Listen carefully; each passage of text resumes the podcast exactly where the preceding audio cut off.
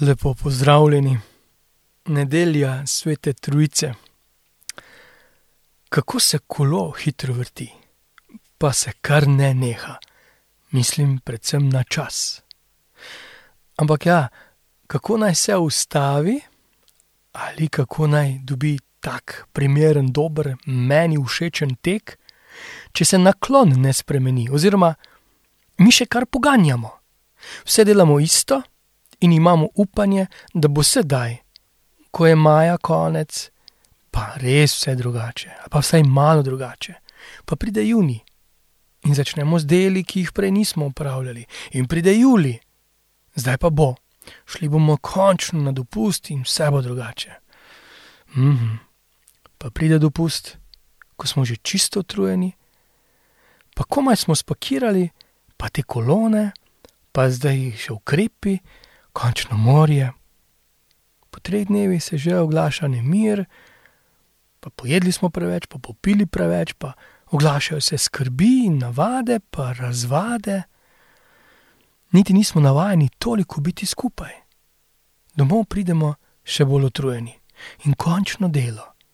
Ampak, a ni to ta ista služba, iz katere smo bežali prej v odmik, v objem družine? Pred katero zdaj spet bežim, v prekomerno delo in zaposlenost, ker, kot že toliko krat mi na misel pride Einsteinov aksiom neumnosti. Kvalificirana neumnost je, pravi, da pričakuješ drugačne rezultate, delaš pa vse na isti način. No, nismo še na dopustu in res lahko ta maj drugače preživimo tudi velikonočni čas, ki smo ga zaključili s preteklo nedeljo, s praznikom Binkošti, lahko vnovčimo. Se veste, da rojstni dnevi v, resnico, v resnici ne obstajajo, obstaja samo en rojstni dan, vsi drugi so obujanje spomina in ja, tudi podoživljanje. Hvaležni za to točko začetka življenja, pa se začenja pot. Od svete Trojice nam je večinoma sin najbližji preprosto, ker je bil tu med nami, viden, otipljiv. V molitvi se večinoma zatekamo k njemu, ampak sam toliko krat spregovori o svojem odnosu. Lahko bi še več, si mislim, po drugi strani pa, kako pogosto in s kom vse, pa mi spregovorimo o svojih najglobjih odnosih.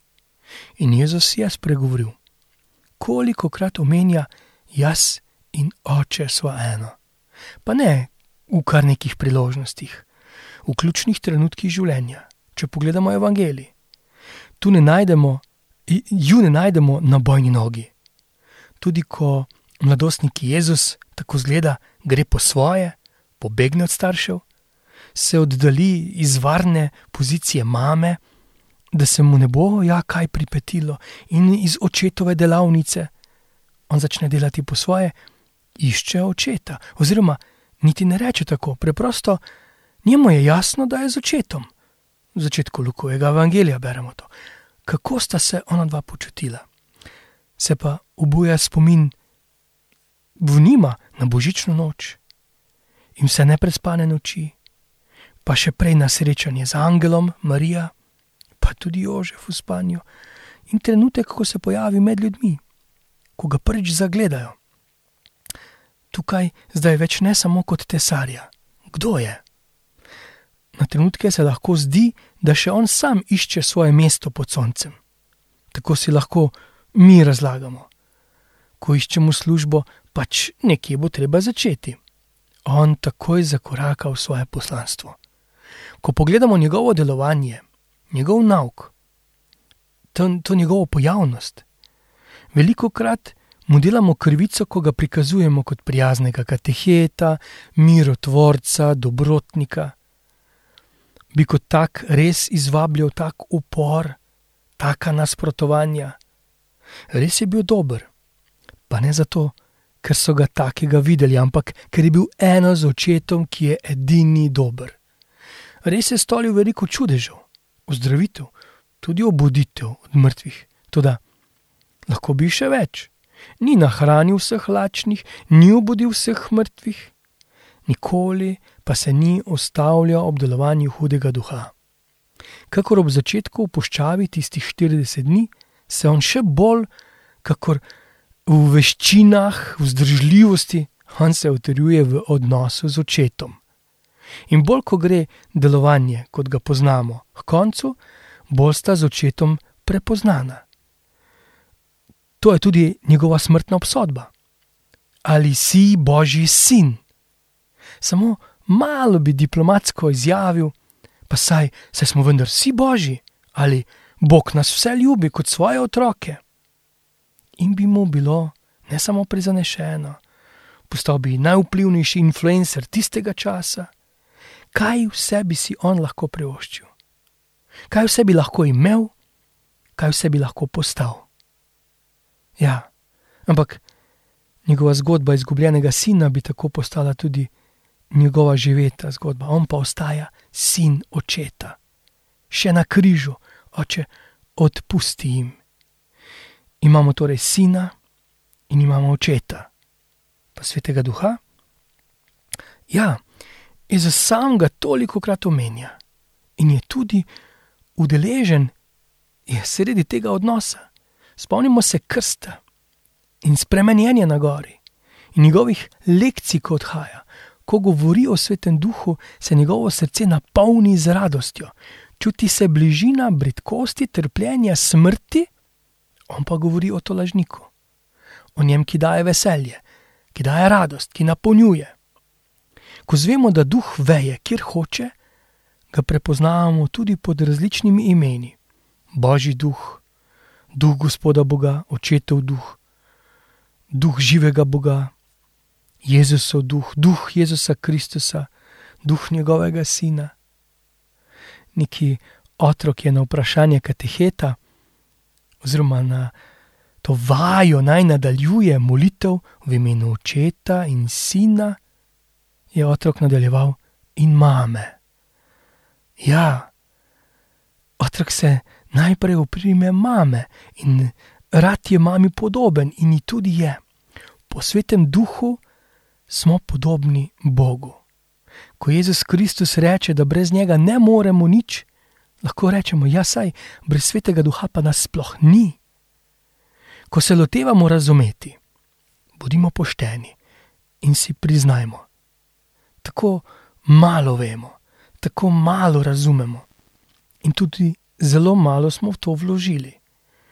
Kot bi recimo v gradbeni stroki na začetku radi razumeli statiko gradnje mostov ali nebotičnikov, pa ne znam niti zložiti lego kock.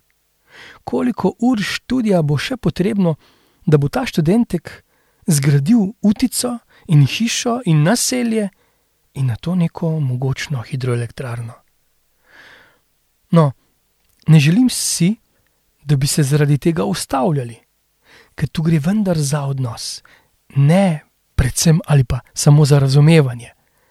Gre za ljubezen in ne za obvladovanje. Vseeno pa se mi prikrade po eni strani pomislek, po drugi pa nasmešek.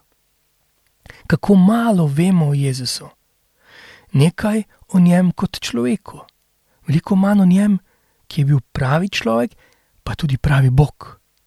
Očeta si slikamo kot stvarnika, mnogokrat popačeno kot starčka v oblakih. Pri svetem duhu pa se kot majhen otrok zadovoljimo, ko vidimo golobčka. Kako naj torej kot odrasli kristijani praznujemo nedeljo svete Trojice? Preprosto, kot odrasli kristijani. Današnja božja beseda gradi na naši celotni osi človeštva, od začetka do konca, vse v božji roki kjerkoli, kadarkoli. Mojzes nas v prvem berilu izziva, kar vprašaj se, ali se je kdaj zgodilo kaj tako velikega, slišalo kaj takega. Se je že kdaj zgodilo, da bi bil kdo, kateri narod, tako blizu Boga. In zaključuje: Spoznaj torej danes in si vtisni v srce, Gospod je Bog, drugega ni. In Pavel nas preprosto postavi pred dejstvo. Kdor se da voditi Božjemu duhu, je Božji sin in tak lahko reče Bogu Oče. Ja, Sveti duh ni neki duhec, ni neka meglica, niso naši darovi ali talenti ali karizme. On je božja moč, ki prebiva v nas, ki izpovedujemo vero v Jezusa Kristusa. Prejšnjo nedeljo smo razmišljali, kdaj sem na zadnje rekel na glas: Ja, verujem. Pa ne v obrazcu molitve, ampak v resnici, ali celo zazrt v obraz nekomu, ki me sprašuje: Ja, verujem, kakšna moč je v besedi. Že to, da rečem: Rad imam ali rad te imam ali ljubim te. In, in ko, to, ko se to zlije v odnos do Boga, verujem. Ko se tisto cankarjevsko ne sramujem več svoje mame, ko se kot kristjan več ne čutim drugo, tretjo razrednega. Morda se na zunaj ne bo, ne bo vidnih sprememb, ne nekega lebdenja, tudi koga ne bo razganjalo, to da duh se ne bo ustavljal. In mi, ki smo že bili pri Birmi, dejansko nismo samo slabo vzgojeni Birmanci. Tako to doživljam. Bolj smo dobro vzgojeni, da se ustavljamo, da celo Bogu postavljamo prepreke. Zato tudi vidimo tako močno delovanje svetega duha po tistih, ki se spreobrnejo. Predstavljamo si, nekdo se 20 let uči kmetovanja, nekdo pa se kasneje navduši nad naravo in njegovo žito veliko bolj uspeva. Ali ni to dovolj zgovorno? Nimamo se kaj sklicevati, da smo Abrahamovi sinovi, toliko letnih priprav in veruka in zbiranja mašnih listkov in razno raznih praznovanj. Današnji trenutek je dovolj in je ključen in je priložnost. Psalmist vzklika: Vedno imam pred očmi Gospoda, ker je na moji desnici ne bom omahnil. Zato zaključek evangelija še tako odmeva v življenju kristjana, ki postaje eno samo uresničevanje smeri Jezusa Kristusa. Ja, smer Jezus Kristus. Jezus zaključuje svoj evangelij, Matejo evangelij z besedami. To so tako rekoč njegove zadnje besede, ki jih je izrekel. Pojdite torej in naredite vse narode za moje učence krščujte jih v imenu Očeta in Sina in Svetega Duha in učite jih izpolnjevati vse, karkoli sem vam zapovedal. Kaj še čakamo? To je to. Amen.